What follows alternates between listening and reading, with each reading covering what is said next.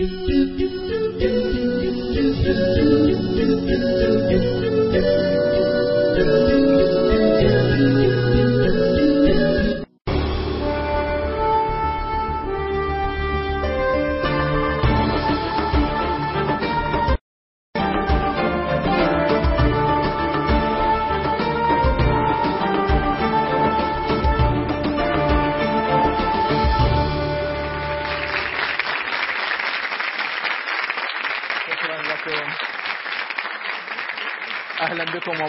مع حلقتكم الوسطية في بر... في قناتكم الرساله بسم الله الرحمن الرحيم والحمد لله والصلاة والسلام على رسول الله.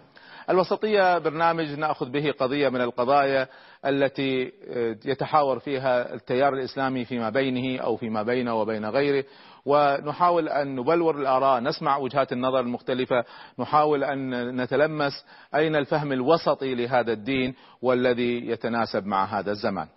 حلقتنا اليوم عن موضوع هام وهو مواصلة لحديثنا المتكرر عن قضايا المرأة. نحن نتكلم اليوم عن موضوع تمكين المرأة بين التأييد والرفض. لا شك أن المرأة كقضية قضية عالمية وقضية إسلامية. وشهد العالم الإسلامي في الفترة الأخيرة بالذات تسارعا في الخطوات نحو دعم المرأة وزيادة تمكينها ومشاركتها في الحياة السياسية والحياة العامة. تم في بعض البلاد كمحاولة دعم إضافي للمرأة تحديد مقاعد خاصة للمرأة يسمونها الكوتا أو تشريعات خاصة بالمرأة أو وزارات خاصة بالمرأة. وكذلك دعم اقتصادي أحيانا بل دعم علمي وابتعاثات خاصة بالمرأة، هذا الذي نتحدث عنه عندما نتكلم عن تمكين المرأة. السؤال الذي سنبدأ به وسنتحاور فيه إنه هل فعلا هناك مشكلة؟ هل فعلا هناك ضعف في المشاركة؟ هل هو في كل المجالات في مشكلة ولا فقط في يمكن المجال السياسي أو الاقتصادي؟ باقي المجالات المرأة أخذت حقها ويمكن في بعض الرجال يقولوا زيادة.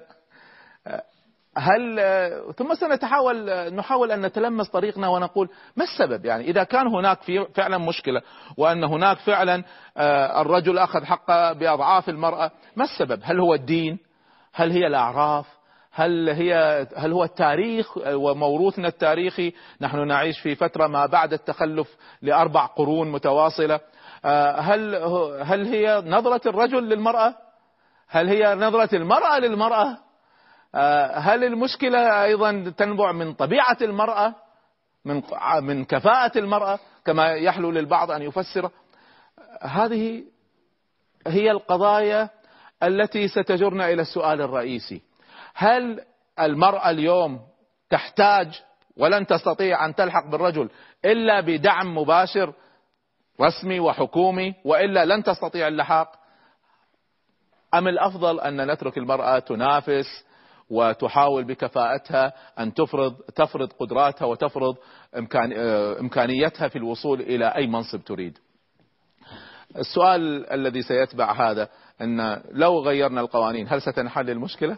ولا المسألة هي في الفكر في في العقول في في العادات الاجتماعية السائدة ما الذي نحتاج أن نعدله لكي تأخذ المرأة مكانتها التي تستحقها والتي كفلها الإسلام لها هذا هو موضوعنا اليوم. تمكين المرأة بين التأييد والرفض أين الوسطية في هذا الموضوع؟ أرحب طبعا بضيوفي الكبار الذين يشاركون معي وأرحب بعدد كبير من الشباب وأرحب طبعا بجمهور الرسالة في كل مكان الذين يتابعون برنامج الوسطية. سنبدأ كالعادة بعد إذنكم باستطلاع بين الشباب.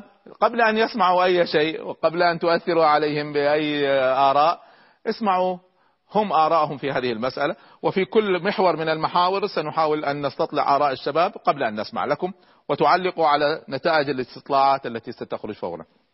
جهزوا أجهزتكم لو سمحتم. سؤال لحضراتكم شبابنا وفتياتنا. مشاركة المرأة العربية في الحياة العامة مقارنة بالرجل تعتبر وسنعطيكم اختيارات. مرة أخرى بس قبل ما تصوتوا دعوني قبل أن يصوت أي واحد اسمعوا شرح قليل للسؤال. نحن نتكلم عن مشاركة المرأة في الحياة العامة. ونحن هنا لا نتكلم فقط عن السياسة نتكلم عن مشاركتها في السياسة ومشاركتها في الاقتصاد المناصب التي وصلت إليها آه، كم وكيلة وزارة عندنا بالمقارنة مع وكالات وكلاء الوزارات كم مديرة إدارة بالمقارنة مع المدير كم رئيسة شركة. نتكلم أيضا عن الجانب العلمي كم مديرة جامعة كم عميدة كلية. نتكلم كم مشاركة المرأة في كل جوانب الحياة في كل جوانب الحياة وليس فقط في جانب واحد. هذا الذي نسميه الحياة العامة. فمشاركة المرأة العربية في الحياة العامة إذا قارناها بمشاركة الرجل. الآن انسوا التاريخ انسوا انسوا بلد معين. نتكلم عن المرأة في كل مكان. الشباب طلبوا مني دائما أن أوضح لهم السؤال بوضوح شديد قبل أن نبدأ بالتصويت. فأرجو أن يكون السؤال واضحا. الآن أمامكم ثلاث اختيارات. الاختيار الأول هو أنها مشاركتها ممتازة. بالمقارنة مع الرجل تعتبر ممتازة. اختيار الثاني أنها لم تصل إلى مستوى الرجل لكنها اقتربت. أقل بقليل من الرجل. أما الاختيار الثالث فلمن يعتبر أن مشاركتها بالمقارنة مع الرجل العربي تعتبر مشاركة ضعيفة. ثلاث اختيارات أمامكم. صوتوا لو سمحتم بضغط الزر المناسب. بينما يصوت الشباب عندي سؤال لجمهورنا الذين يشاهدون الرسالة في التلفزيون. مرة أخرى هذا ليس لشباب الاستوديو هذا فقط للمشاهدين في التلفزيون. وسؤالي لحضراتكم حتى تساهموا معنا في بلورة هذه الحلقة ممكن ترسلوا رسالة SMS وتجيبوا فيها على السؤال التالي. وهو محور حديثنا في كل هذه الحلقة. السؤال يقول لن تستطيع المرأة العربية اللحاق بالرجل في في المستويات العامة في الحياة العامة بدون دعم الحكومات لها؟ المرأة محتاجة دعم وبدون هذا لن تستطيع أن تلحق. الموافقون على هذا يرسلوا رسالة فيها الرقم واحد الذين يعتقدون أن المرأة لا تحتاج الدعم الحكومي يرسلوا رسالة رقم اثنين. نتائج تصويتكم ستظهر مباشرة على الشاشة وستتغير النتائج حسب تصويتاتكم سواء في الحلقة الأصلية أو في إعاداتها أه، تعليقاتنا على آراء الشباب نتائج هذا الاستطلاع وحوارنا حول هذا الموضوع بعد الفاصل إن شاء الله.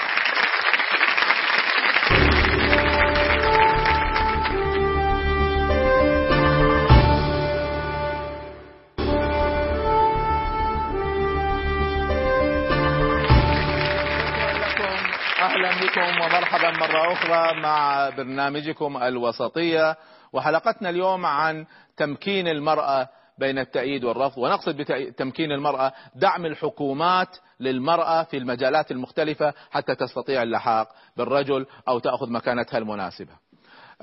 قبل أن نأخذ الحوار حول الموضوع أحب أذكر أخواني وأخواتي وأبنائي وبناتي المشاهدين الكرام في التلفزيون أنهم ممكن يساهموا معنا ببلورة الرأي العام في هذه الحلقة من خلال تصويتهم على السؤال التالي. السؤال يقول لن تستطيع المرأة اللحاق بالرجل في الحياة العامة دون دعم حكومي المباشر الرسمي لها.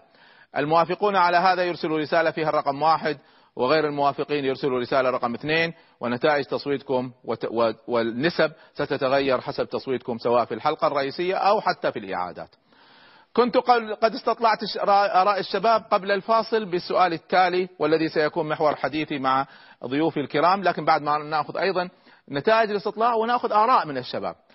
كان سؤالنا لكم أن وضع المرأة العربية في الحياة العامة مشاركتها في الحياة العامة مقارنة بالرجل العربي تعتبر ماذا؟ الذين قالوا أنها تعتبر ممتازة 12% فقط. الذين قالوا أنها اقتربت من الرجل لكنها ما زالت أقل قليلا قالوا 35% منهم ذلك. الذين قالوا مشاركة المرأة تعتبر ضعيفة بالمقارنة بالرجل 53% فهذه هي النسب الآن. خلونا ناخذ بعض آراء الشباب والفتيات. آه، من قال ممتازة؟ في حد قال ممتازة؟ ناخذ رأيك يا أبني تفضل. بسم الله الرحمن الرحيم. أنا شايف المشاركة بين آه، في الحياة العامة ما بتقارنش عندنا بين الرجل والمرأة. بتقارن عندنا بين التابع الحكومة أو بين آه، اللي معاه واسطة أو اللي معهوش لا لا أنت دخلت في السياسة خلينا من السياسة. ما هو دي المشاركه في الحياة العامه هذا هذه مقارنة بين الرجل والرجل. آه. لا ما حضرتك سواء يعني كانت طب خليني أسألك سؤال. يعني الكل عند اللي عنده واسطة يمشي اللي ما عنده واسطة ما يمشي هذا في كل مكان. مش. هل النساء عندهم واسطة؟ حضرتك ده هل النساء عندهم واسطة زي الرجال ولا؟ لو عندهم واسطة بتمشي. لو تبع الحزب الوطني عندنا في مصر بتمشي. طيب شكرا يا أبني. شكرا. أخذ واحدة من البنات قالت إن المشاركة ممتازة. تفضل يا بنتي. بسم الله الرحمن الرحيم. والله أنا شايفة إن دور المرأة دلوقتي آه، بقى زي الراجل وأحسن كمان. آه ما شاء الله. لأن هي مسؤولة مسؤولة, دلوقتي أكتر من الراجل بكتير. نعم. سواء في البيت سواء في الحياة العامة سواء في الاق- السياسية أو الاقتصادية أو أي شيء تاني. وهي هي- تتحكم في الرجل كمان يعني.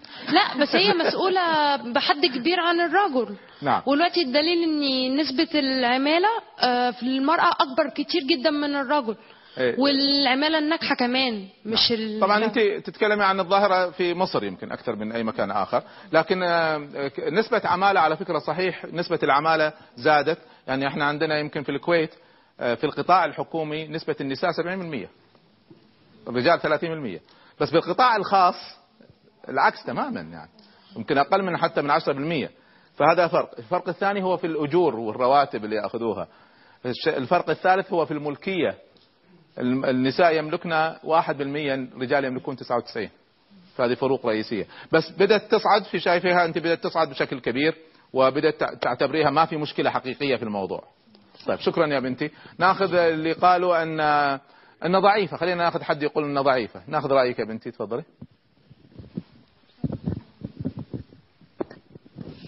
آه، بسم الله الرحمن الرحيم. هو أنا شايفة إن في مشاركة المرأة عموما في في العمل بك- بكافة أنواعه آه، تعتبر ضعيفة بالمقارنة بإمكانيات المرأة للعمل.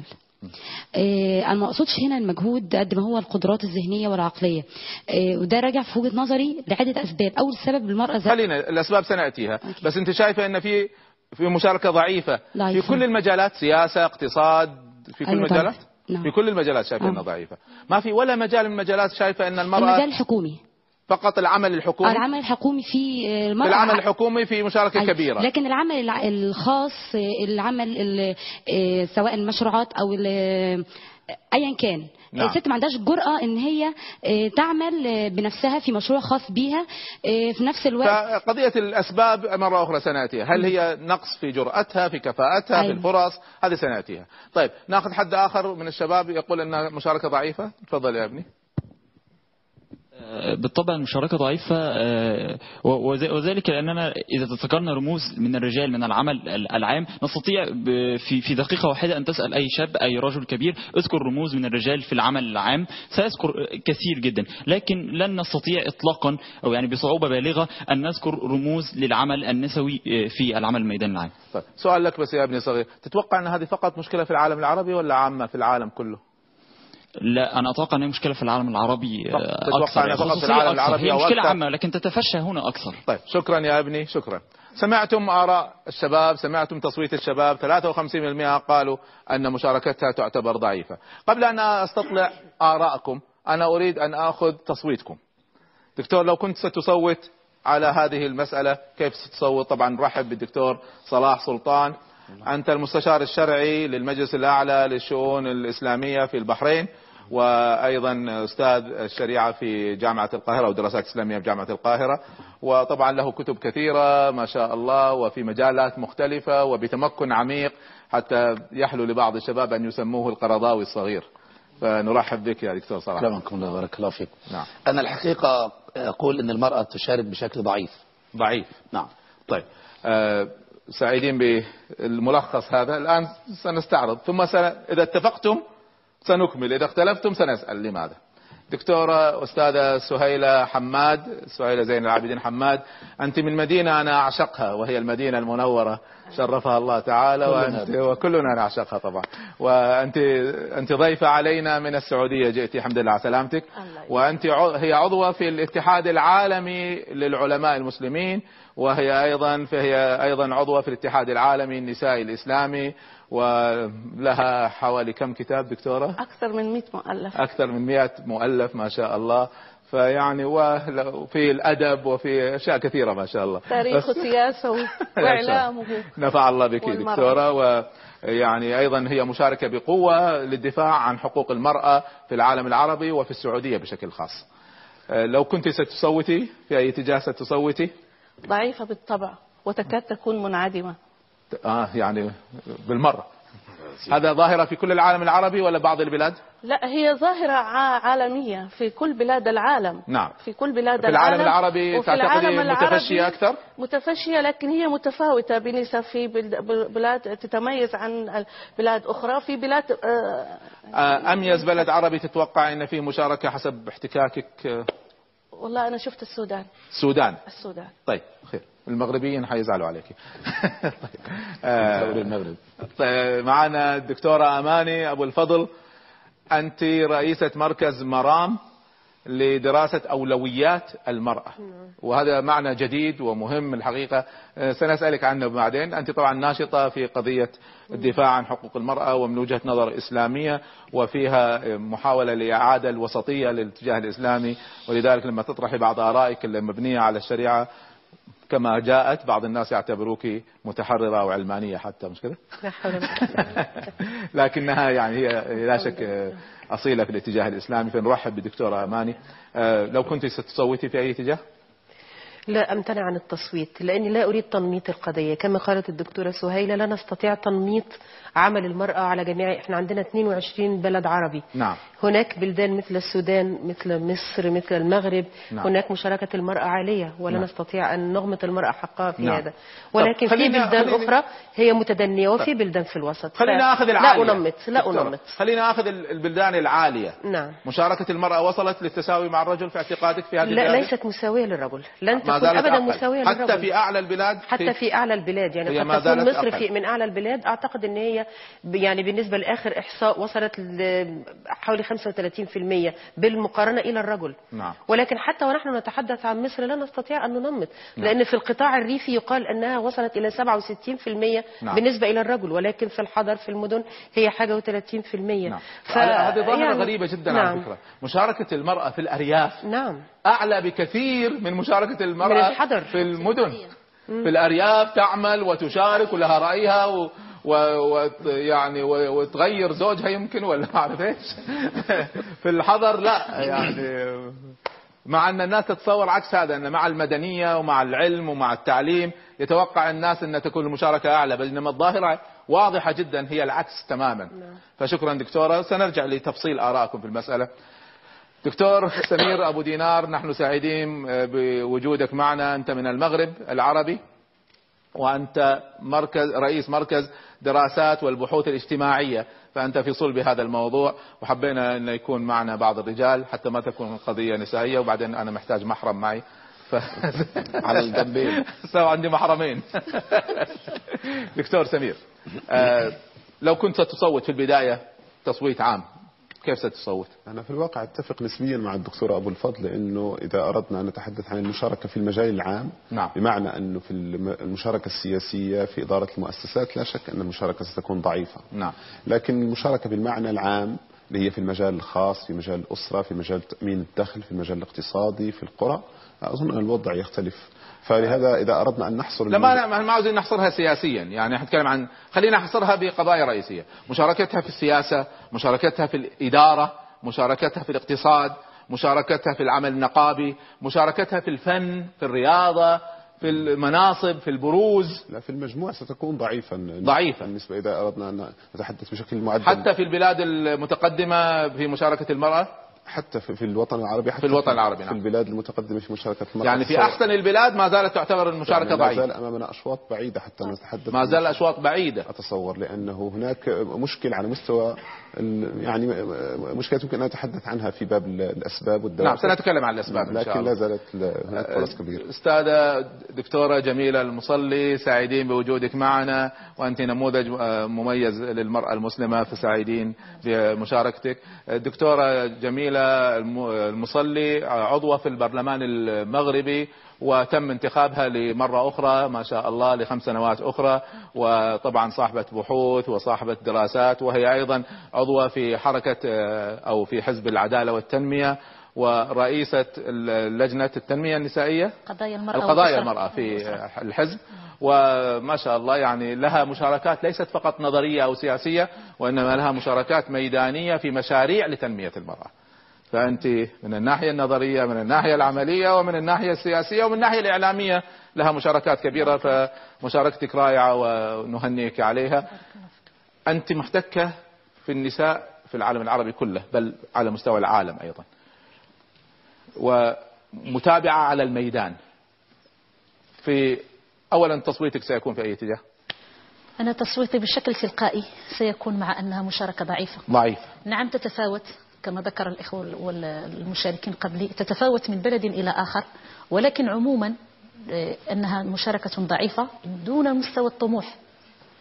آه، خلي الطموح هذا إن شاء الله سنصله. نعم. لكن كمعدلات هل هي ضعيفة جدا أو 35% أو هي أعتقد أن من التحديات الحقيقية التي تواجه المرأة العربية الآن نعم. إضافة إلى المشاكل التنموية والمعيقات التنموية في مجال الفقر في مجال التعليم في مجال الصحة وغيره هناك مشكل يعني يرصد وهو ضعف المشاركة والتفاعل نعم. المشاركة والتفاعل على مستويات متعددة أولا على المستوى السياسي وعلى المستوى الجمعوي التطوعي العمل يعني ما يسمى بالعمل الأهلي ضعيف. إذا قارنا نسبة النساء في مجتمعاتنا مع نسبة المنخرطات في هذه المشاريع التنموية والعمل الجمعوي التطوعي عموما فهي نسب ضعيفة. نعم. لا ترقى إلى المستوى المطلوب.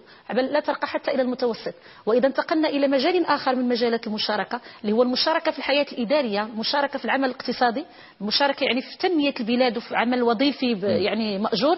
فهو كذلك لا زال ضعيفا نعم هناك مشاركة النساء على مستوى كعاملات وفي مهن في قطاع الخدمات نعم. على امتداد على طول الوطن العربي موظفات موظفة إما موظفات أو في القطاع الخاص نعم. ولكن خاصة في القطاع الخاص هناك ظروف مهينة مم. يعني هذا أمر آخر يمكن أن نتحدث نعم. عنه في مكانه هناك مشاركة في- هذه المجالات في القطاع الخاص لكنها لا تضمن كرامة النساء وربما تعود ب- بالسلب طيب سنأتي أكثر من إلى الإيجاب. هذا وسن- ش- ش- شكرا نعم. دكتور بس سؤال سريع تعتقدي أن المشرق العربي يختلف عن المغرب ولا ليست متعلقة مشرق ومغرب؟ آه، يمكن هناك فرق ما بين التجربة المغربية مثلا والتجربة في الشرق.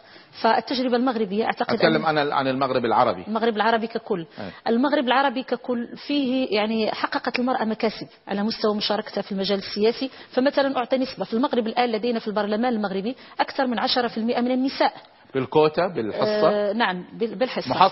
مخصص لكن مقاعد. ولكن, ولكن ليس بالتعيين. لأن نعم. نعم. غالبا ما ينصرف الذهن في بلدان العالم العربي عندما نتحدث عن كوتا أنها بالتعيين نعم. نحن لدينا كوتا ولكن بالانتخاب بالانتخاب لكن بين بالانتخاب. النساء بين النساء يعني- يعني لوائح مخصصة للنساء لكن يعني العفو في هذه المقاعد نعم. لو صار مثل ما صار عندنا في الكويت إن إحنا ما عندنا مقاعد مخصصة، المرأة الآن مسموح لها تشارك مسموح لها تنتخب، كذلك في عمان آه، في الانتخابات الأخيرة في البح... في الكويت في عمان حتى في البحرين ما عدا امرأة واحدة بالتزكية ال- كل النساء فشلنا لو تنافست المرأة سؤال أخير بس نعم. لو تنافست المرأة مع الرجل في هذه القطاعات تنافس مباشر بدون تدخل حكومي هل ممكن تفوز؟ آه الأكيد أنها لن تفوز بنفس النسب لن نعم. نصل إلى 10% لن تصل إلى لن 10%. نصل نعم. لأن مجموعة من النساء تقدمن في مجموعة من الدوائر الانتخابية ولم يحققن فوزا طيب هذا سيجرني بعد إذنكم إلى المحور الثاني والذي سيبدأ فيه الحوار إحنا بس أخذنا الآن رأي ومعرفة أين المشكلة ال- حتى ندخل في المحور الثاني أحتاج من الشباب أن يصوتوا معي على استطلاع آخر لماذا الكل أجمع أن هناك مشاركة ضعيفة وفي كل المجالات وحتى في بعض البلاد العربية التي تقدمت فيها مشاركة المرأة أيضا ما زالت المشاركة تعتبر ضعيفة بل حتى بعض الأخوة والأخوات يعتبرها ضعيفة جدا. مع ان في الآن آه، وعي سياسي ووعي فكري وغيره. ما هو السبب الأكبر؟ طبعا هناك أسباب كثيرة جدا.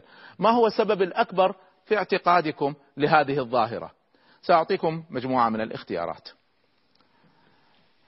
الاختيار الأول هو سأعطيكم ثلاث اختيارات رئيسية. الأعراف الاجتماعية طيب عادات وتقاليد هذا المقصود به السبب الثاني هو تفسير الضيق للشريعة الإسلامية. يعني في نصوص في الشريعة قد تحمل أنها ضد المرأة أو تفسر بهذه الطريقة. اختيار الثالث أن المشكلة ليست في الشريعة وليست في العادات ولا حتى في التاريخ ولا المشكلة أن المرأة نفسها كفاءتها في هذه المجالات أقل من الرجل. طيب هذا كلامنا عن طبعا ليس أكيد عندنا كفاءات عالية جدا وإنما حديثنا عن معظم النساء. بعض هذا أنا سمعت هذا الجواب من بعض حتى العلماء أن السبب الرئيسي هو ضعف كفاءة معظم النساء. هل توافقوا على هذا؟ الاختيار مرة أخرى لكم. السبب الأكبر في ضعف المشاركة النسائية في الحياة العامة هو ثلاث اختيارات. الأول هو الأعراف الاجتماعية الثاني التفسير الضيق للشريعة والثالث ضعف كفاءة معظم النساء. صوتوا لو سمحتم. بينما تصوتوا وتظهر النتائج. أذكر مشاهدينا الكرام أنهم يستطيعوا المشاركة معنا في بلورة الرأي في هذه الحلقة بإرسال رسالة SMS للإجابة على السؤال التالي. لن تستطيع المرأة اللحاق بالرجل في الحياة العامة دون الدعم الحكومي المباشر. الذين يوافقون على هذا يرسلوا رسالة فيها الرقم واحد. الذين لا يوافقوا على هذا يرسلوا رسالة فيها فقط رقم اثنين وستظهر نتائج تصويتكم ونسبها على الشاشة. استطلاع الذي سألته للشباب ستظهر نتائجه فورا لكن دعونا نأخذ فاصل ونعود لرأي الشباب وحواركم في لحظات.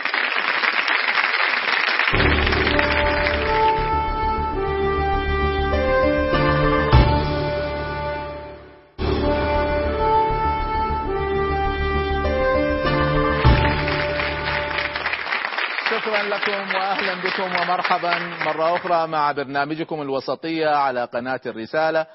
نرحب بكم في حلقتنا حول تمكين المرأة أو دعم الحكومات لمشاركة المرأة في الحياة العامة بين التأييد والرفض. أه، قبل أن نأخذ نتائج استطلاع الشباب وفيه فيه أرقام غير متوقعة سنسألهم عنها ونسألكم عنها كضيوفنا الكرام. أذكر باستطلاع الذي ممكن الجمهور المشاهدين الكرام الذين يشاهدون قناة الرسالة أن يساعدونا في بلورة الرأي العام في هذه المسألة من خلال هذا السؤال. لن تستطيع المرأة اللحاق بالرجل في الحياة العامة المقصود إلا بدعم الحكومات المباشر لها. الموافقون على هذا يرسلوا رسالة فيها الرقم واحد غير الموافقين يرسلوا رسالة فيها الرقم اثنين. النتائج واختلاف النسب ستظهر أمامكم على الشاشة مباشرة وتتغير حسب تصويتكم سواء في الحلقة الأصلية أو في إعاداتها. آه، ضيوفي الكرام كنت قد سألت الشباب سؤالا سيكون هو محور حديثنا في هذا الجزء من الحديث. ما هو السبب الأكبر في ضعف مشاركة المرأة؟ نحن أجمعنا على أن هناك ضعف لمشاركة المرأة بالذات العربية في الحياة العامة. وأعطيتهم ثلاث اختيارات. الذين قالوا الأعراف أو العادات والتقاليد الاجتماعية واحد وثلاثين بالمئة. بينما الذين قالوا التفسير الضيق للشريعة هو السبب 14% فقط. بينما 55% من الشباب أعادوا المشكلة إلى ضعف كفاءة المرأة نفسها. فطبعا هذه نتائج شوية مزعجة يمكن أو غير متوقعة. سنسألكم عنها بس خلينا نسأل الشباب. أنفسهم. من الذي يرى أن خلينا ناخذ الذين قالوا ضعف الكفاءة نسأل ناخذ نريد واحدة من الفتيات. قولي يا بنتي. بسم الله الرحمن الرحيم. أنا ما صوتش خالص لأن أنا شايفة إن الأسباب دي مش هي السبب الرئيسي. السبب الرئيسي إن عمر ما الست كانت زي الراجل. الست لها مهام مهمة كبيرة جدا وهي تربية أولادها. وأي راجل بينجح هو بسبب الست اللي ربته وزوجته اللي عانته. فيعني أنا شايفة إن أي فضل للراجل أو أي ظهور له ده بسبب ست. لكن لو جينا نقارن ما بين ست فعلا كانت مؤمنة جدا جدا بحاجة بتعملها ممكن كفاءتها تبقى أعلى من الراجل لأن الست لو بقت مؤمنة بحاجة جدا هتعملها وتخلص لها جامد جدا جدا جدا وفعلا هتنجح فيها ويمكن لو اتقارنت بالراجل زيها هتبقى أحسن منها خليني أسألك سؤال سريع بس. آه، قلتي أنت المرأة دورها تربية الأولاد. أيوه. الرجل ما عنده دور في تربية الأولاد؟ لا طبعا عنده دور ولكن دور- الدور الأساسي للمرأة تربية المجتمع. والرجل ما عنده دور في التربية. لا طبعا عنده دور ولكن دوره مش مهم. دور المرأة مهم. لا مهم. بس دوره دور المرأة أقوى. معلش يعني هي طيب. اللي بتربيه من هو لأن طبعاً الرجال. تعبانين ما يربوا.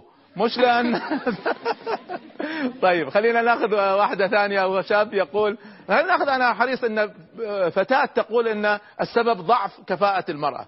طيب خلينا ناخذ البنت اللي هناك فوق.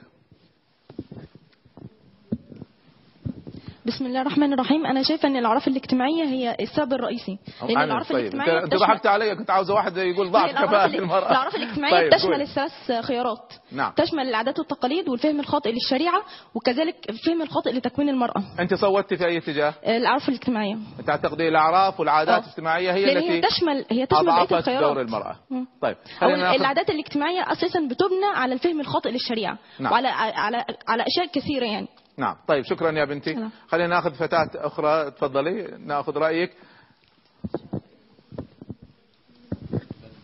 لا لا أنا عاوز بس نسمع من البنات ليش خاصة أنا كنت أبحث عن واحدة تقول المرأة ما عندها كفاءة يعني أو في ضعف في الكفاءة. بسم الله الرحمن الرحيم. أنا اخترت الاختيار الثالث اللي هو ضعف كفاءة معظم النساء. ده لسبب واحد. دلوقتي إحنا في أغلب الدول العربية هنلاقي إن في حتى لو نسبة قليلة بس المرأة قدرت إن هي توصل لمناصب كبيرة فيها وقدرت إن هي توصل لمناصب قياديه إحنا دلوقتي بقى عندنا عميده كليه عندنا زي الدكتورة جميلة آه، في البرلمان في المغرب. تمام؟ فبالتالي المرأة لا منعتها أعراف اجتماعية ولا منعتها آه، ضيق في فهم الشريعة ابدا. المرأة اللي قدرت إن هي تتقلد المنصب دوت تقلدته لأن هي كفاءتها هي اللي وصلتها لدوت. لكن نقص التدريب ونقص الخبرة ونقص المهارة عند المرأة خلوها إن هي ما تبقاش كفء بدرجة الراجل. فال- وبالتالي فالسبب هو ضعف الكفاءة. بس أنا عاوز أفهم أن الكفاءة ليست بسبب طبيعتها كأنثى وإنما بسبب أنها لم تدرب لم ومع- تأخذ خبرة. طيب وهذه هذه المشكلة جاءت من وين؟ أنها لم تدرب لم تأخذ خبرة. هل هي سببها الحكومات؟ هل هو سببها التاريخ؟ لا هو سببها إن ممكن الاهتمام الأكبر تمام في المجتمع بيركز إن المرأة غالبا يعني يكون التدريب عندها أو كون إن هي تكتسب خبرة أو إن هي تكتسب مهارات معينة يمكن ده بصراحة وبقولها يعني بمنتهى أي، إحنا الصراحة ما. بيبقاش في في طموحات المرأة. يعني الرجل أكثر طموحا من المرأة وهو بيقدر إن هو يسعى إن هو يبقى عنده خبرة أكتر يقدر إن هو عنده مهارة أكتر بيسعى لتدريبات كتيرة قوي تقدر إن هي توصله لمنصب معين. تعيد المسألة إلى أن المرأة طموحاتها يمكن تكون أقل. زوج وبيت وكذا في أتكلم عن معظم النساء. والقلائل اللواتي يطمحن إلى برلمان ويطمحن إلى دور سياسي ولا دور حقوقي ولا طيب خلينا ناخذ الشباب ناخذ الشباب ناخذ الش- الشاب اللي فوق هنا ما ينفعش المرأة أصلا تشتغل إيه يعني كمديرة شركة عشان عدم ما تقدرش تاخذ قرار صارم المرأة غير حازمة. يعني. طبعا. أنت تعتقد المرأة طبعاً. غير حازمة؟ أكيد طبعا. والله ما جربت النساء تشكل إن كيدهن عظيم يا اعتراض على الكلام. ده. عندي اعتراض. طيب سنعطيكم فرصة وفي دكتور. التعليم ناخذ واحد آخر من الشباب. طيب ناخذ ابننا الكريم تفضل. آخر واحد ثم سنأخذ تعليقاتكم. بسم الله الرحمن الرحيم. الحقيقة أنا شايف إن كلهم أسباب ونتائج بيصبوا في بعض ودايرة مغلقة بلف حوالين بعض. يعني هو كان في جزء من التاريخ كان في أعراف عربية مكبتة للمرأة طلعت فكر آه، فقهي ضيق الشريعة الإسلامية حافظ على الأعراف والتقاليد من باب إن هي جزء من الدين ولا نعم. يمكن تغييره وجود هذه الأعراف والتقاليد كجزء من الدين أدت أن المرأة ما تاخدش التدريب الكافي عشان ما تبقاش كفء فهي الآن المرأة فعلا إلى حد بعيد نسبة كبيرة منهم جدا غير كفء لأن هم يشاركوا بسبب أن هو وعدم كفاءتها رسخت أيضا فكر فقهي أن هي لا تصلح ورسخت فقه اجتماعي عادات. إن هي أعراف إن هي لا تصلح فكلهم مغلقة تجر إلى بعضها. دوائر بتلف. شكرا يا ابني. طيب سمعتم سادتي الكرام ضيوفي الأفاضل سمعتم هذا الكلام. أنا أريد أن أسألكم سؤال واحد في هذا المحور. سؤال واحد فقط. في عشرات الأسباب التي أدت إلى عدم مشاركة المرأة. أنا ذكرت في السؤال ثلاثة منها فقط لكن ممكن تختاروا غيرها. وأذكر مرة أخرى طبعا عندنا الأعراف عندنا الفهم الضيق للشريعة عندنا كفاءة المرأة. بعض الناس يقولوا أن لا هي قضية تاريخ. يعني المر الأمة مرت بأربع قرون من التخلف خلالها أهملت المرأة. لما صحت الأمة لو حتى أعطينا فرص متساوية مثل اثنين دخلوا في سباق وبعدين في أثناء السباق كانوا ماشيين مع بعض في أثناء السباق واحد من الجمهور مسك واحد من المتسابقين. وظل ماسك فيه فطبعا تأخر. فلما أفلت مهما حاول أن يلحق سيظل متأخر. لأن التاريخ طيب؟ فيظل هذا الفرق ولا بد من ندعم في هذه الحالة حتى يلحق. قد يكون هذا هو السبب التاريخ. أنا أريد أن أعطي سبب آخر سمعته من بعض الناس وهو أن السبب الرئيسي هو طبيعة المرأة. طبيعة المرأة. يعني مثل ما ابننا قال المرأة طبيعتها مثلا أنها ليست حازمة مثلا. أو أن طبيعة المرأة لا تصلح لمهام معينة. على فكرة هناك دراسات غربية أنا أشرت إليها في كتاب صناعة القائد تشير إلى أن المرأة هذه واضحة إحصاءات غربية تماما. المرأة لا تثق بالمرأة. ولا تقبل أن المرأة تكون رئيستها في العمل. هي تفضل الرجل. وبإحصاءات واضحة في الغرب. ف آه، طبعا الرجل لا يثق بالمرأة أيضا. فمن الحالتين في الحالتين يعني الرجل لا يثق بأن المرأة تكون رئيسته والمرأة لا تثق أن المرأة تكون رئيستها. وفي الانتخابات العامة حتى في الخليج ثبت أن معظم النساء لم يصوتن لنساء. فم يعني فهل هذا يعود إلى طبيعة المرأة وتركيبتها؟ وقد يكون هناك أسباب أخرى. سأعطي لكل واحد من من حضراتكم آه، كلمة واحدة يعني يش- يشرح فيها السبب الأكبر من هذه الأسباب أو غيرها. سنبدأ بدكتورة أماني. تفضلي. يعني أنا لا أرى أن هذه الأسب- الأسباب كلها ممكن لا تنطبق على المرأة المصرية ودعني أتحدث عن الحالة المصرية. نعم. لا أتحدث بالأصالة لا عن المرأة الخليجية ولا الشامية ولا المغاربية لأنها حالات مختلفة. لو تحدثنا عن المرأة المصرية هنجد أن في سببين بيتزاحما لأن يكون في الصدارة. نعم. أول سبب فيهم ليست العادات ولا التقاليد ولا أي شيء. أول سبب فيهم ضعف إمكانيات المرأة للخروج للعمل العام. خروج العمل العام ضعف إمكانات المادية؟ ال- ال- مش المادية يعني الإمكانيات المساعدة. المرأة عشان تخرج للعمل العام عايزة حضانة أمينة تحط فيها أطفالها عايزة سيدة بيبي سيتر عايزة امرأة تعاونة. والمرأة المصرية اقتصاديتها لا تعاونها. فهذا يربكها إرباك شديد. نعم. فخروجها للمرأة بيعتسف ظروفها وبيربك المنزل وبيربك العمل اللي هي تذهب إليه. فهذا سبب وجيه لابد وأن ينظر إليه لحل. هذا السبب ممكن يعمم على كل بلد فيه إمكانات مادية ضعيفة؟ يعني أنا أتحدث عن يمكن الواقع المصري أكثر ولا أستطيع أن أتحدث عن نعم، الغير. طيب. وهناك سبب آخر لابد وأن ينظر إليه. المرأة المصرية كفء كفوءة فعلا للعمل العام.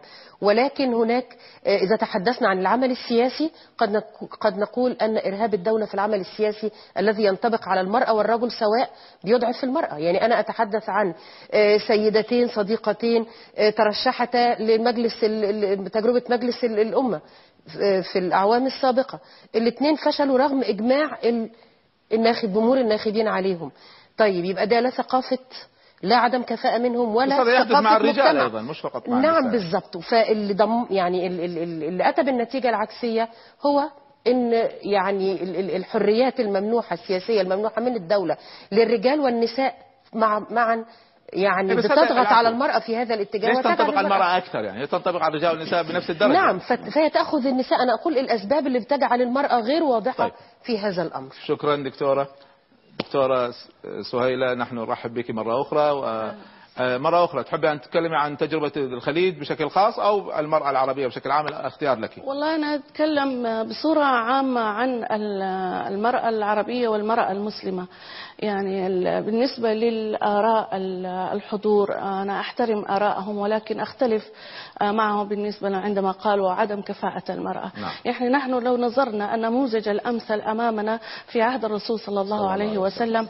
ماذا مارست المرأة المسلمة في هذا العهد؟ من البداية كانت أول مستشارة في الإسلام السيدة خديجة بنت خويلد رضي الله عنها. أول شهيدة في الإسلام كانت السيدة سمية يعني كانت المشاركة فعالة.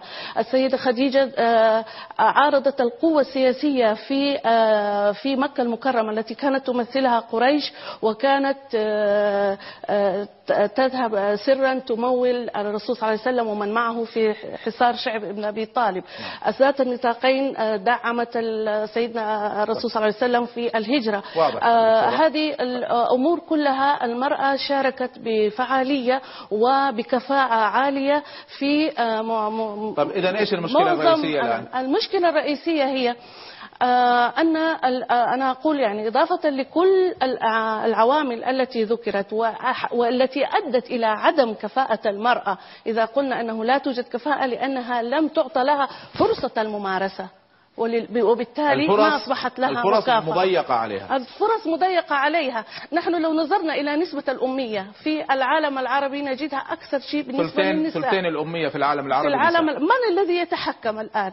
يعني من المسؤول عن كل هذا؟ التفسير ال- الخاطئ لبعض الآيات القرآنية والأحاديث النبوية وخاصة بنقصان عقول النساء إلى آخره من فسر هذه النصوص أصل أصلا صحيح. التفسير الخاطئ؟ رجل. من الذي وضع الأحكام الفقهية الدينية التي تحكم على المرأة أنها تملك نصف عقل الرجل كما يقول ابن قدامة في المغني وأن ديتها نصف دية الرجل لأنه عقلها نصف عقل الرجل هو الفقيه الرجل.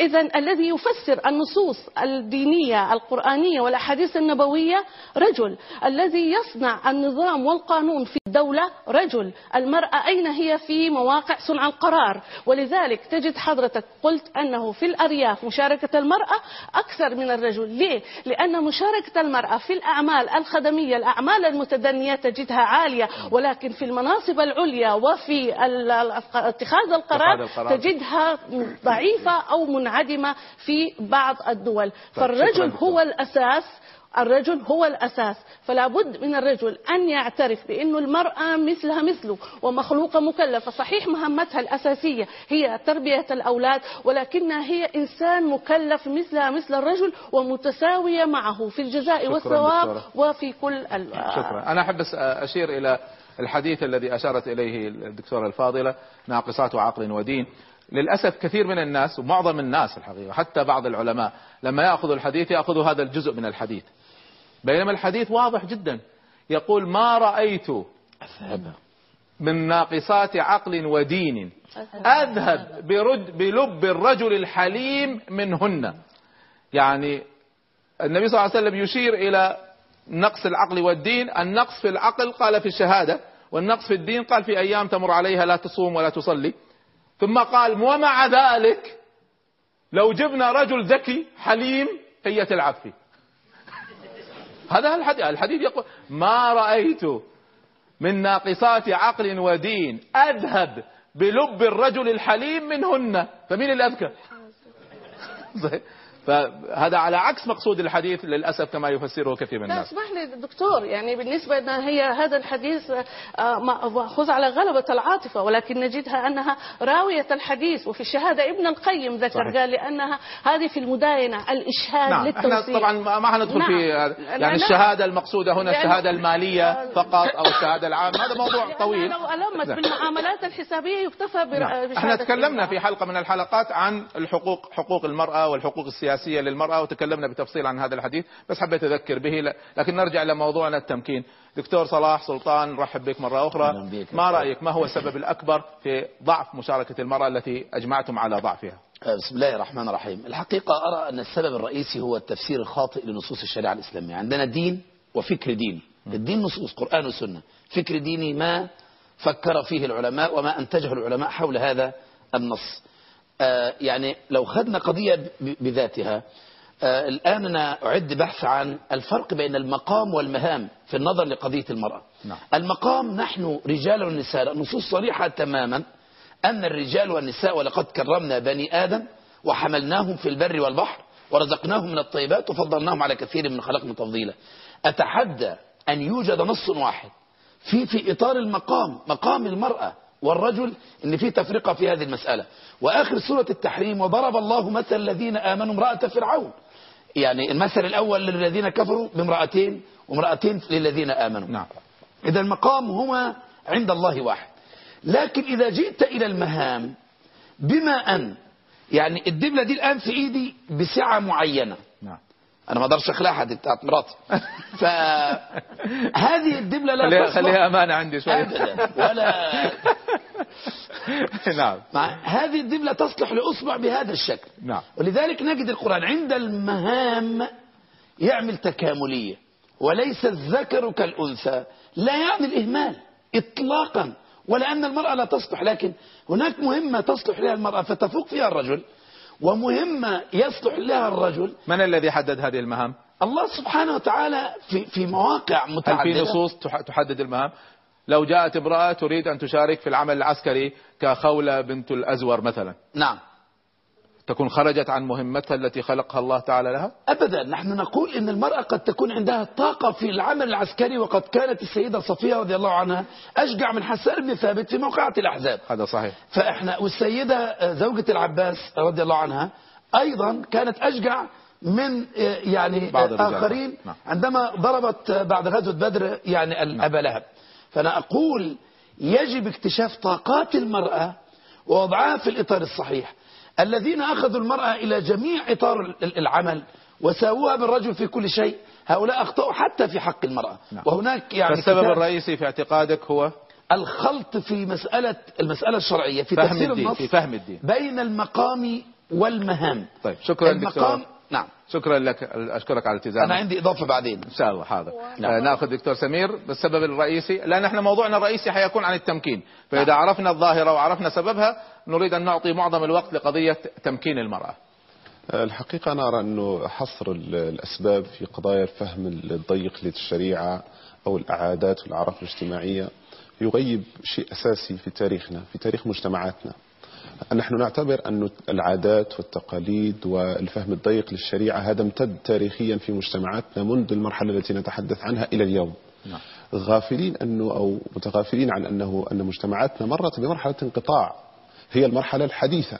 نعم. التي دخل فيها دخلت على مجتمعاتنا فيها منظومة قيم جديدة بآلية عسكرية صارمة استعمار تتكلم عن عهد الاستعمار وما جاء بعده.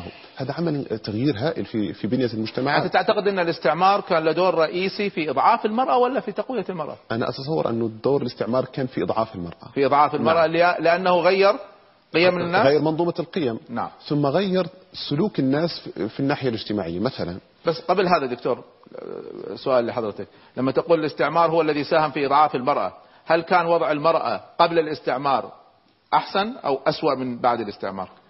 ولا لا فرق؟ لا يمكن أن نتحدث بهذا الشكل بمعنى أنه قبل الاستعمار كانت مجتمعاتنا تعكس أو السلوك العام في المجتمع يعكس طبيعته. نعم. اختلاف الوظائف اختلاف المهام الاستعدادات لدى كل طرف من الأطراف. بعد أن جاء الاستعمار ما الذي وقع؟ غير نظرة المجتمع إلى نفسه أصبح الخوف على المرأة من الخروج إلى المجال العام. أصبح هناك تغيير في العلاقات بين الناس. ولهذا مثلا أعتبر أن المثال الذي يضرب بالنسبة للقرى أو المناطق ال- ال- الريفية. الريفية التي لا زالت نسبة نسب المشاركة المرأة فيها عالية هو ضد القول بأن الأعراف الاجتماعية أو الفهم الضيق للشريعة هو الذي يحد من مشاركتها. لأنه هذه الم- المناطق يفترض أن العادات الاجتماعية فيها أكثر تأثيرا. المفروض العادات في الأرياف طبعا. أكثر تأثيرا. وحتى التدي- التدين والمحافظة في هذه المناطق المفروض أعلى. صحيح. فالذي أنا أتصور أنه ينبغي ننظر أو نركز أكثر على الجانب السياسي في الموضوع. أنه هناك بعد في دولة الاستقلالات الوطنية الدولة الحديثة هذه دولة أحدثت مشكلات كبيرة في علاقة بين الرجل وال- والمرأة. فأنا حقيقة أدعو إعادة الاعتبار لهذا الجانب. طيب. ينبغي أن لا نغفله من عمليات التحليل. شكراً دكتور. تبقى عفوا بالنسبة لماذا لماذا تأثرت المرأة أكثر من الرجل إذا كان الاستبداد شامل وإذا كان الإقصاء شامل؟ لأن هذه الأسباب أو العوامل التي ذكرت هي عوامل موجودة. كل العوامل تجمعت. هذه العوامل صادفت للسبب الرئيسي وبذلك ظهر في في المحصلة أن مشاركة المرأة كما اتفقنا بداية. شكرا. آه، شكرا أقل. دكتور أنا سامحوني قاعد أضغط عليكم بالوقت لاني عاوز ننتقل للمحور الرئيسي نختم المحور هذا بالدكتوره جميلة ثم سأعود إليكم. أعتقد أن الحديث عن إشكالية وضع المرأة في عالمنا العربي لا يمكن أن نتحدث عنها بمعزل عن السياق العام يعني عن إشكالية التخلف عموما في العالم العربي وعن ضعف مؤشرات التنمية البشرية في هذا العالم لأن المرأة جزء من هذا العالم ويمكن لا يمكن يعني ما, ما يقع في المجتمع ككل ينعكس عليها أكثر من غيرها لأنها, هي الحلقة لأنها الحلقة الأضعف. ودائما الحلقة الأضعف في- المجتمع تبرز فيها وتتمثل كل ليش أشكال. هي الحلقة الأضعف؟ هي الحلقة الأضعف عبر التاريخ لأن هناك اعتبارين أساسيين. أعتقد أنه يفسر هذا الأمر في إطار إشكالية التخلف العام في عالمنا العربي. أولا هناك إرث جمود فكري و- يعني واجتهاد لمدة قرون أن هذا الجمود سيصطدم بإرث استعماري.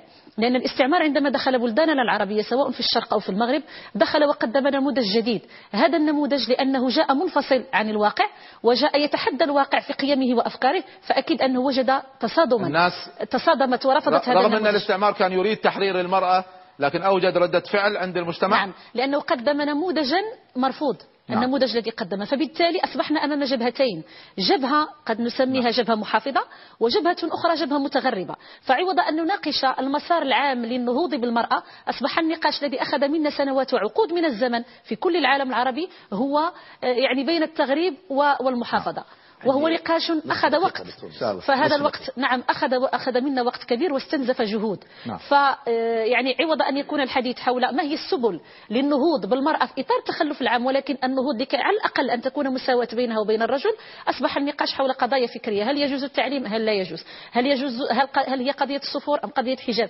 يعني تحول الحديث للأسف صار فترة من زماننا فترة من التعليم أفتى هلا- بعض الناس عدم حرام. لا يجوز. نعم. يعني فصار نقاش لم يكن نقاشا في الصميم يعني النقاش الذي دار هو كذلك أخر عملية النهوض نعم. أخر عملية النهوض وعملية إقلاع المسائل. بعض الفقهاء والعلماء دخلوا في هذا النقاش وصدروا الفقهاء. فتاوى نعم. في غير محلها الآن أعتقد أن هناك صحوة أو هناك ال- عودة إلى فكر وسطي معتدل هذا الفكر الوسطي الذي يحترم المرجعية الأساسية للأمة وينطلق من ثوابتها ومن يعني مكوناتها الأساسية أعتقد أنه يحمل في خطابه عناصر القوة لكي يكون فعلا النموذج الأساسي النموذج الذي يمكن أن يقدم في العالم العربي من أجل النهوض بالمرأة. وأعتقد. أن فقط إشارة أنه مثلا عندما تتقدم هذه النماذج في عالمنا العربي ويكون هناك نوع من الديمقراطية ونوع من الحرية فهي تحصل على أعلى الأصوات في مجتمعاتها. صحيح.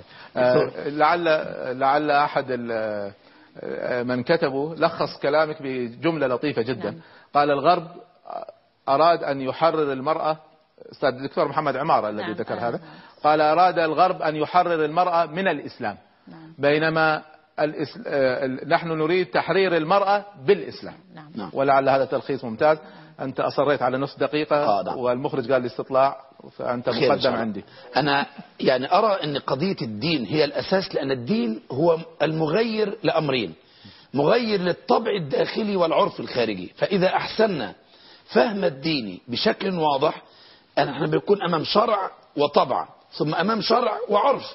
فإذا جعلنا المرجعية كما قالت الدكتور جميلة بفهم صحيح وحوار ونقاش بيننا صحي أعتقد أننا بالفعل سيكون هذا هو السبب الرئيسي وسيكون هو السبب للعودة. الصحيحة للمرأة شكرا دكتور. نعم. لا بس عشان لازم آخذ فاصل. استطلاع آه، مرة أخرى من الشباب لو سمحتم. سامحوني سأعود إليكم سأعطيكم فرصة. لكن عشان بالضرورة نأخذ استطلاع ونأخذ فاصل بعد ذلك. آه، الآن بعد ما سمعتم كل هذا واضح أن عندنا مشكلة واضح أن هناك ضعف في آه، مشاركة المرأة بالمقارنة مع الرجل واضح أن هناك أسباب كثيرة تضافرت لهذا واختلف آه، المحاضرون في هذا. سؤال هل يمكن الآن أن تلحق المرأة بالرجل بدون ما تحصل على دعم؟ هذا هو السؤال. سؤالنا لكم باختصار هل تؤيد تدخل الدولة لدعم المرأة؟ هل تؤيد تدخل الدولة لإعطاء دعم خاص للنساء؟ دعم خاص في السياسة دعم خاص في المناصب دعم خاص في التعليم دعم خاص في الاقتصاد دعم, خاص حتى بس يلحقوا لأن صار لهم فترة متخلفين عن اللحاق بركب الرجل. مرة أخرى تذكروا المثال الذي ذكرته لكم. اثنين يتسابقوا واحد من الجمهور مسك واحد من المتسابقين. الآن أنتم الحكم. هل يكمل السباق ولا نحتاج أن الحكم يقول لحظة خلي يلحقوا وبعدين نكمل؟ محاولة تأثير على التصويت. طبعا نعم. الآن أمامكم ثلاث اختيارات. هل تؤيد تدخل الدولة لإعطاء دعم خاص للنساء؟ الذين يؤيدوا يضغ- يضغطوا الزر الأول الذين لا يؤيدوا يضغطوا الزر الثاني. وأعطيكم اختيار ثالث. أؤيد تدخل الدولة في كل المجالات إلا المجال السياسي لأن هذا تمثيل شعبي وانتخاب حر وبالتالي لازم ما تتدخل في الدولة. فمرة أخرى ثلاث اختيارات. أؤيد رقم واحد لا أؤيد رقم اثنين أو أؤيد في غير السياسة. هذا هو اختياركم الثالث. صوتوا لو سمحتم. أذكر جمهورنا الذين يشاهدون الرسالة أنهم يستطيعوا بلورة الرأي معنا حول تمكين المرأة بإرسال رسالة للإجابة على السؤال التالي. لن تستطيع المرأة اللحاق بركب الرجل إلا بدعم من الحكومات. الذين يؤيدوا هذا الدعم يرسلوا رسالة فيها رقم واحد الذين لا يؤيدوا يرسلوا رسالة فيها رقم اثنين. صوتوا لو سمحتم ارسلوا رسائل لو سمحتم تعليقنا على الاستطلاع ونتائج هذا الاستطلاع وحواري مع ضيوفي حول تمكين المرأة بين الرفض والتأييد بعد الفاصل إن شاء الله.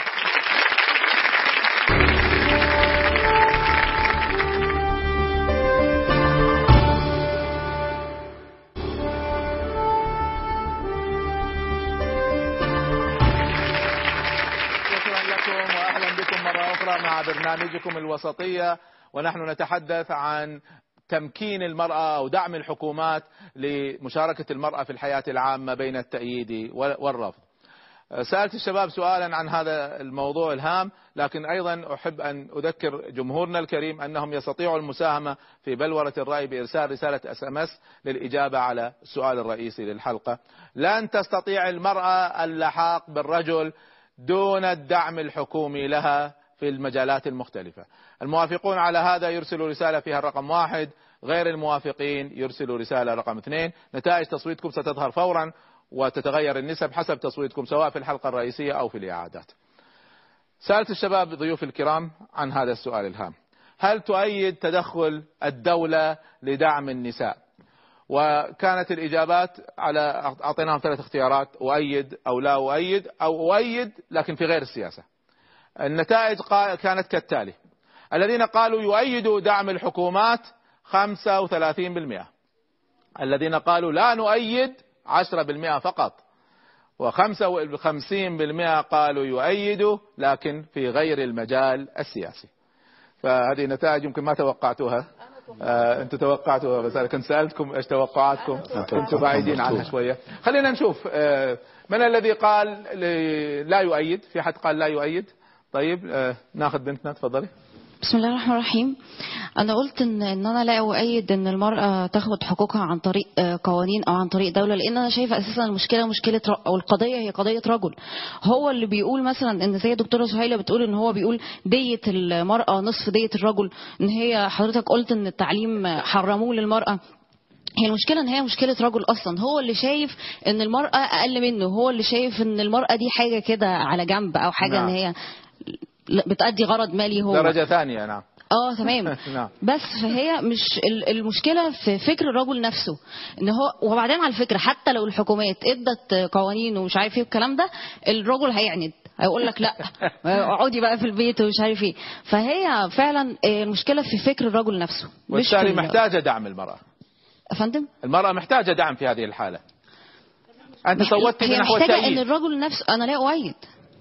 أنت صوتت في أي اتجاه إذا؟ لا أؤيد إن لا تؤيدي؟ أيوه. طيب إذا كانت المشكلة في الرجل والقيادات السياسية معظمها رجال. طيب. فبالتالي ما نتوقع منهم يعني هذا هو المقصود؟ هو حتى إن إحنا ما نتوقعش منهم إن هم يعملوا كده أنا شايفة إن نبدأ من القاع نبدأ من تحت من إن أصلا الراجل يبدأ يغير فكرته إن لازم تغيير عقول. آه تمام. إن هو يحس زي ما دكتور صلاح بيقول إن هو يكون في فرق بين المقام وبين المهام إن نعم. هو يحس إن هي فعلا ليها مقام في المجتمع إن هي نعم. زيها زيه مش نصف دية إذا أنت المرأة. تر- ترين أن القضية ليست قضية تأييد حكومي وإنما قضية تغيير فكري. تمام. شكرا يا بنتي. نأخذ واحد من الشباب. ناخذ من الشباب لم يتكلم تفضل. السلام عليكم. أنا أرى إن ال- الأقرب لل- للصح هو أؤيد في غير السياسة أنا أؤيد لسببين. اولا إن الحكومة هتعطي دعم للمرأة. سواء كان الدعم ده كان دعم تعليم للرجل عشان يتخلى عن الفكر أو كان دع- دعم في سن قوانين وسن سياسات تحمي ال- العمل الل- اللي بتعمل فيه المرأة. حتى يعني ممكن تحط فيه زي ما نقول جوب ديسكريبشن يعني مثلا. المرأة ممكن تعمل هنا تحت تحديد الأعمال اللي ممكن تقوم بها المرأة بكفاءة عاليه نعم. يا- في السياسة هو بالانتخاب. إذا يعني ف- صوتت في أؤيد في غير السياسة. في غير السياسة لأن السياسة ترشيح شعبي والذي لا يستطيع أن يثبت نفسه لن تختاره الجماهير. تمام. ناخذ حد آخر من الشباب والفتيات يحب يقول رأيه. طيب آخر واحد آه، ناخذ بنتنا الكريمة حسب أوامر المخرج. أنا شايفة إن أنا أؤيد وشايفة إن مش أعمل قانون عشان المرأة بس. أنا أعمل قانون يغير أصلا شكل فعلا جوب ديسكريبشن سواء للراجل أو للمرأة.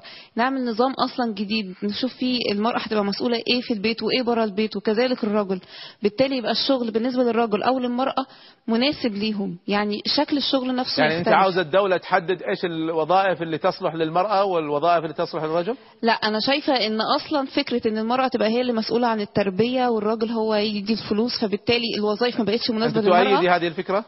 لا أنا لا أؤيد هذه الفكرة. إذا إيش المطلوب من الدولة؟ المطلوب ان إن حاجة من الاثنين يا إما آه، الوظائف يبقى ليها شكل مناسب للمرأة. نعم.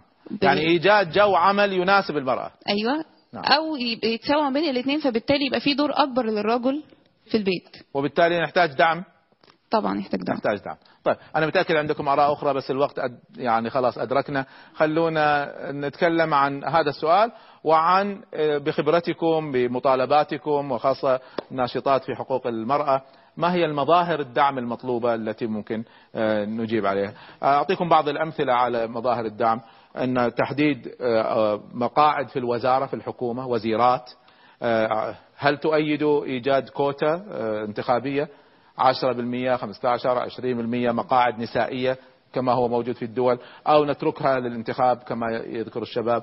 آه، فرص في وظائف آه، قيادية في الإدارات في الجامعات تحت هل تؤيدوا وجود وزارة خاصة للمرأة؟ يعني أشياء مثل هذه إحنا. أم، وسؤال الأخير أنه هو هل الجمعيات النسائية كان لها دور حقيقي وفعال في تغيير هذه المعادلة؟ كل هذا مطلوب تجاوبوا عليه كل واحد منكم في ثلاث دقائق. نعم. لا. أه، نبدأ بالدكتور. تفضل مدام حبيت تبدأ؟ طيب آه، الحقيقة أنا ضد التدخل الحكومي لدعم قضايا المرأة لأن الحكومات العربية في حالة من الضعف والانبطاح أمام المشروع الغربي لا يؤهلها إلا أن تأخذ بتطوير موضوع المرأة إلى التحلل. ولو أن عندي وأنا أطلب من بعض الطلاب اللي بيدرسوا عندي ماجستير ودكتوراه يعملوا رصد لتغيير القوانين في الشؤون الاجتماعية قانون الأحوال الشخصية خلال الثلاثين سنة الماضية سأجد وآخرها قانون ال- ال- ال- ال- المغرب نعم سأجد أن كل التغيرات بتنساق وراء النموذج النموذج الغربي. الغربي نعم. وآخره النموذج اللي وقعت عليه دول حتى عربية كثيرة طيب. في واشنطن دي سي يوم 28 فبراير إلى يوم 9 مارس قانون حقوق الأنثى يمنع البنت أنها تتزوج وهي صغيرة ويعطي للمرأة حق ممارسة السحاق والشذوذ الجنسي فأنا أقف ضد التدخل الحكومي كيف ندعم؟ بهذا الأمر؟ كيف ندعم أنا وضع المرأة؟ مع قضية التعليم وأن يتحمل العلماء ورواد المجتمع المدني. نعم. قادة العمل الرجالي والنسائي تعميم قضايا تعليم الرجال والنساء أن المرأة تستوي مع الرجل في المقام وتختلف في المهام ويجب أن يتعاونا معا توعية تعليم توعية. أنا أبدأ بالتعليم والتربية. للرجال والنساء. نعم وأنا أخشى من قضية حجز مقاعد في الوزارات أنك تقدم نموذج هش من المرأة لأن خارجة من إطار لم تؤهل له. نعم. وأنا مقتنع دائما أن الحصان يجب أن يسبق العربة. نعم. أنت تجهز عربة للمرأة لا تستطيع أن تجرها. ليس لضعف كفاءتها الأصلية وإنما لم تدرب ولم تعلم. نعم. ولذلك هذا الأمر فيه خطورة على فأنت تخشى المرأة أنه لو خصصت مقاعد ستظهر نماذج وبعدين تس- تسيء للمرأة تعمل ردة فعل. ويصير ردة فعل أسوأ ردين الفعل الموجودين للأسف الشديد. التحجر عند الإسلاميين بعضهم أو على الأقل أو أكثرهم على الأقل أقول أكثرهم لا هو أكثرهم أكثرهم على الأقل لا كيف؟ أكثرهم لا أكثرهم عفوا نعم. أكثر الإسلاميين انحازوا إلى فكر متحجر في قضايا المرأة نعم. دعاوى التحلل في المجتمع بس بدأ يتغير هذا الأمر. ميبي بالوسطية يعني بالوسطية. إلى حد ما إن شاء الله. ببرنامج الوسطية. شكرا دكتور نعم. شكرا. نعم. طيب دكتور سمير رأيك؟ طبعا إحنا سنعطي الكلمة النهائية للنساء. نعم. الحقيقة أنا أرى أنه فكرة تمكين أو عدم تمكين إعطاء فرصة تدخل الحكومات لإعطاء فرص أكبر للنساء أو لا يظل في نطاق أنه المشكلة هي في داخل بنية مجتمعاتنا. وبالتالي ينبغي أن نحلها من الداخل. أنا أشير إلى أن هنالك فعلا عوامل من داخل المجتمعات تمثل القابلية للتأثر بالأسباب الحقيقية لكن لا, لا ما تمثل تؤيد. دعم الحكومات؟ أنا آه، كل هذه الأشكال التي الآن نسأل هذا السؤال المباشر. لا الأش... الأشكال المختلفة التي تتدخل بها الحكومات قد تكون مفيدة لكنها لن تكون هي العلاج النهائي. ليست العلاج. ما هو لا. العلاج الأساسي الذي العلاج الأساسي هو أن ننتبه إلى أننا حينما نتحدث عن تمكين المرأة عدم تمكين المرأة داخل المجتمعات نحن في الواقع نزرع بنية آه، انشقاق داخلي. نحن نتحدث عن المجتمع باعتباره مجموعة من الأفراد يتصارع كما قال الفيلسوف هوبز دائما باعتبارهم ذئاب كل واحد يريد أن يستأثر الرجل والمرأة ضدان يتصارعان. من الحقوق. طب كيف نعالج هذه المشكلة البنية الأساسية- البنية الأساسية في المجتمع هي كيف نحلها؟ الأسرة.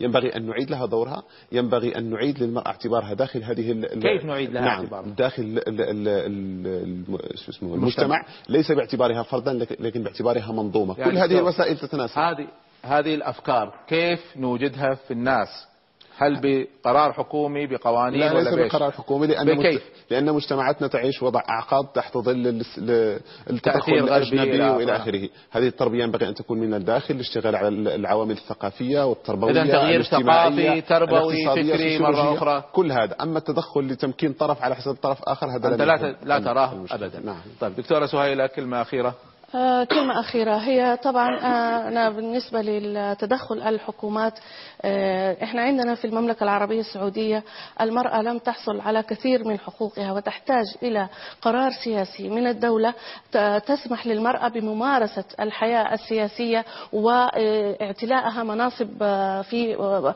مواقع صنع القرار كوزيرة ك يعني في مختلف مجالات غير الحياة. الجانب السياسي؟ آه، فهذه في كل المجالات. كل المرأة المجالات. المرأة آه، السعودية في تحتاج إلى قرار سياسي حتى آه، بالنسبة لقيادتها للسيارة بالنسبة لأبسط الأمور محتاجة إلى قرار سياسي يدعمها لماذا؟ وفي نفس الوقت هي محتاجة إلى تغيير الخطاب الدي- الديني وتصحيح المفاهيم الخاطئة للأحاديث النبوية والآيات القرآنية معلش. هو الأول بعد إذنك دكتور نعم. يعني. بدأ يدير هو- مكاني هو آه، لا لا معلش لا هو إحنا بالنسبة عندنا إحنا طبعا يا بالنسبة للمجتمعات ككل المجتمعات العربية لاننا إحنا أي شيء آه، حق للمرأة يربط على على الفور بالدين نعم. وسدا للذرائع وهذا حلال أو حرام نعم. أي شيء تمارس المرأة نأتي ونقف عند هذا الحد فلا بد نحن نبدأ بتصحيح المفاهيم الخاطئة للآيات القرآنية والأحاديث النبوية المتعلقة بالمرأة والتي رسخت في المرأة شكراً للأسف دكتورة. الشديد لا اسمح لي برضو نقطة ثانية أريد أن أقولها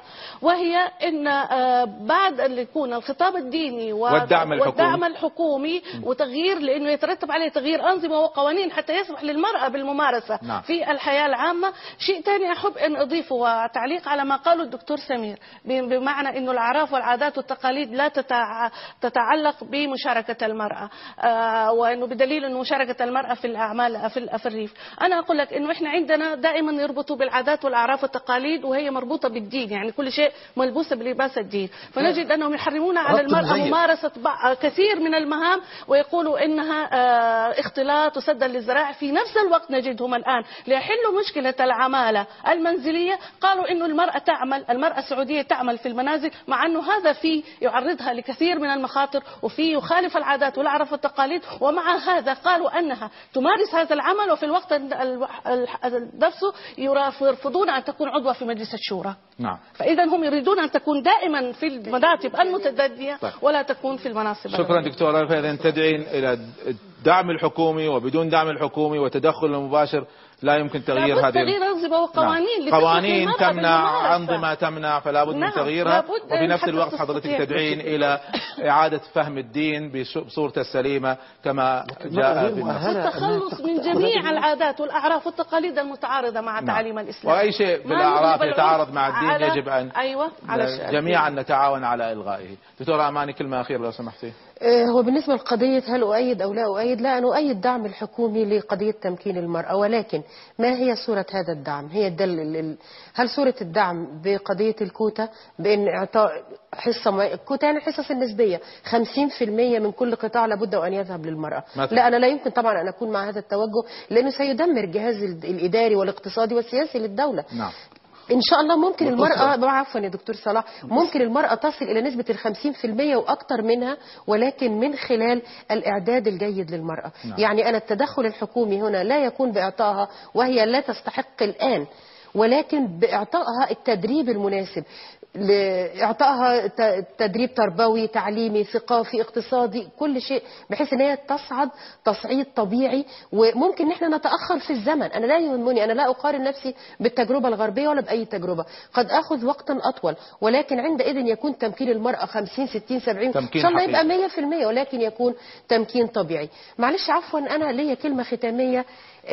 يعني بتعلق على سياق الحلقة ككل يعني سواء هذا المحور في- أو في غيره. دقيقة يعني. في نصف دقيقة إن شاء الله. حضرتك دائما يعني بتعمل إيديك كده وتقول المرأة هتصل إمتى إلى الرجل؟ نعم. لماذا؟ يعني لماذا أنا أريد أن تصل المرأة إلى الرجل بحيث إن المرأة تكون نفس النسبة؟ هذا شيء لا يعنيني. لابد أن يكون هناك نظرا للشيء. هل المرأة بتدخل إلى سياق العمل العام في نفس العمر وفي نفس التوقيت اللي بيدخل فيه الرجل أم أن المرأة لابد وأن تتأخر قليلا؟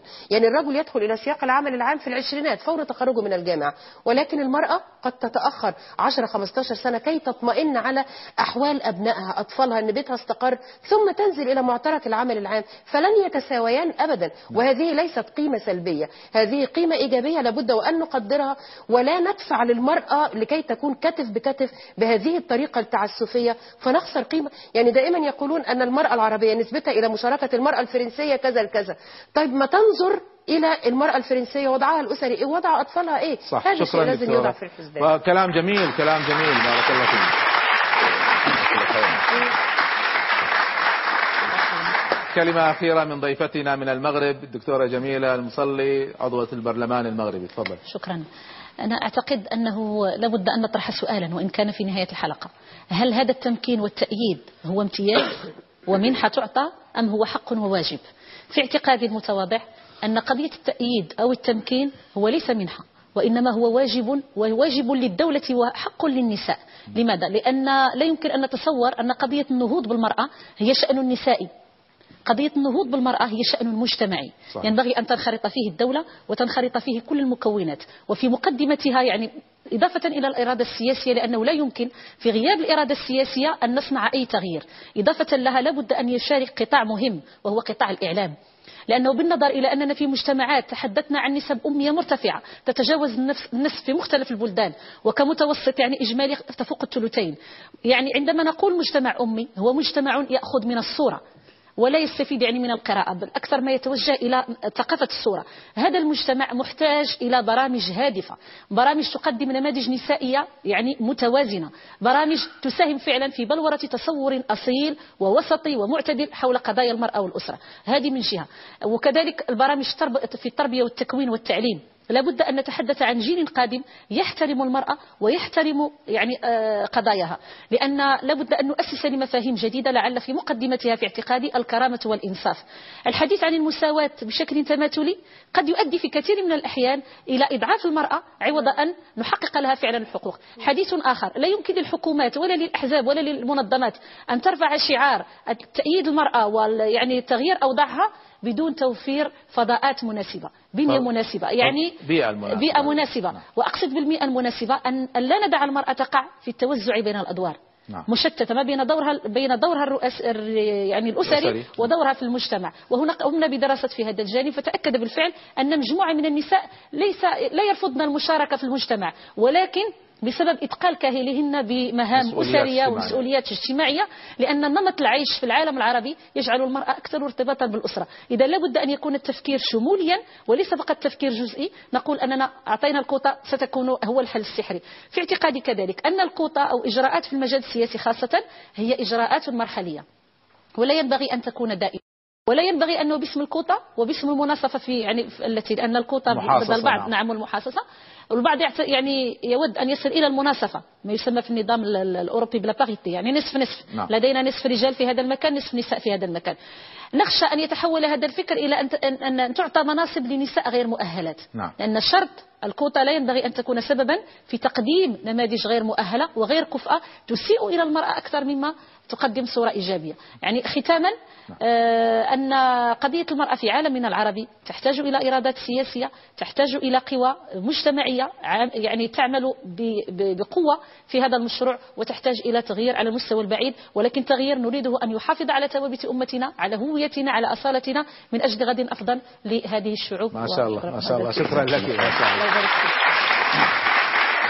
طبعا أنا بودي إني أفتح المزيد من النقاش لكن الأوامر أن الوقت دائما سيف مسلط علينا. أنا كنت ناوي أقول كثير من المعاني التي أنتم قلتوها في الختام فلخصت كثير من الذي كنت أنوي أن أقوله. آه، بالإضافة إلى ما قلته أو تأكيد على ما قلته أحب أن أؤكد على مسألة رئيسية. لا شك إن المرأة العربية وضعها بالمقارنة مع الرجل وضع ضعيف. الذي عنده أي وهم بهذا يعيد النظر بأي إحصاءات بأي أرقام في أي مجال من المجالات سيجد أن وضع المرأة ضعيف على مستوى العالم العربي حتى الدول التي تعتبر المرأة حصلت على يعني وضع متقدم فيها ما زال الوضع يعتبر ضعيف فيها فما بالكم بغيرها الأمر الثاني أن هذا الوضع تكالبت عليه أو تسببت به أسباب كثيرة منها سوء فهم الدين منها كل الأسباب التي ذكرناها وكل سبب يساعد السبب الآخر وينميه. وهكذا دواليك إلى أن تكبر هذه الكرة الثلجية فتجعل المرأة يعني في وضع لا تستطيع أن تنتقل منه إلا بوجود دعم. ما يمكن. 400 سنة من التخلف حرم عليها حتى التعليم حرم عليها. والآن نريدها أن تدخل فتشارك في النهضة وتشارك في الحضارة. ولما نقول على مستوى الرجل ما نقصد تصادم أو وإنما ما تقل في مستواها الحضاري والمشاركة عن في النهضة عن الرجل. هل هذا سيؤدي إلى تدمير وضع المرأة الاسري؟ هنا تاتي قضيه الأولويات، قضية مركز مثل هذا المركز الذي يحدد أولويات المرأة، مراكز حقوق المرأة والبرلمانات والقضايا واللجان في البرلمانات التي تدرس هذه المسألة تعطينا أين الأولويات، نحن لا نريد أن ننهض بالمرأة وندمر أسرة مثلا. فكلنا اتفقنا على شيء من هذا في نفس الوقت نحتاج هذا الدعم الحكومي لكن أيضا لا يخل بالتمثيل الشعبي.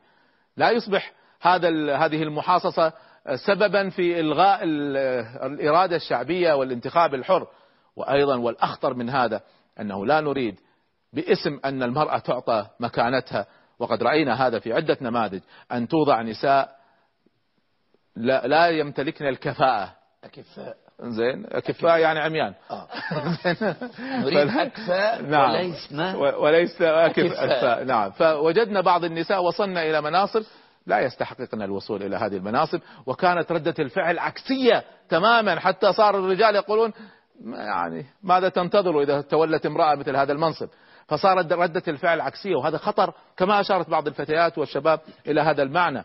نريد أن ترتفع المرأة لكن ما ما يولى أي شخص رجل أو امرأة إلا لما يكون صاحب كفاءة وصاحب أمانة. إن خير من استأجرت القوي الأمين وإلا يصبح خلل في المجتمع. نريد دعم حكومي للمرأة نريد دعم اجتماعي نريد دعم جمعيات نريد دعم الرجال لكن أهم أنا في ظني أهم قضية على الإفكا على الإطلاق تماما والتي ذكرت عدة مرات. أهم شيء نريد وعي.